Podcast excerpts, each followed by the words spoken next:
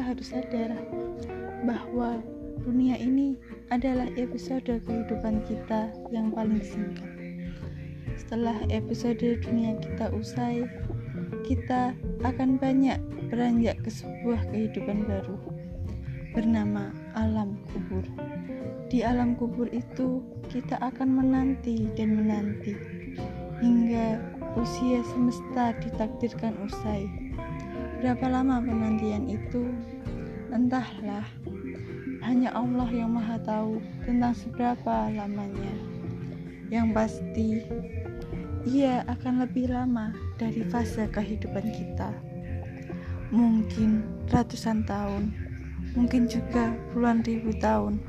Lalu, setelah itu apa?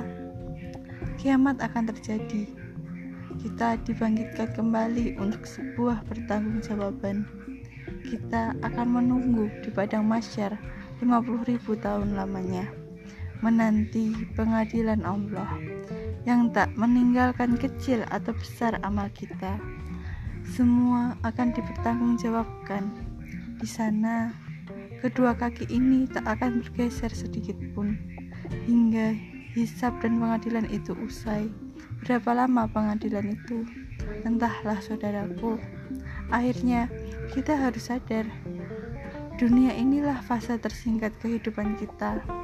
Tetapi dialah fase yang paling menentukan bahagiamu di episode berikutnya adalah tentang bagaimana engkau melewati hari-hari duniamu.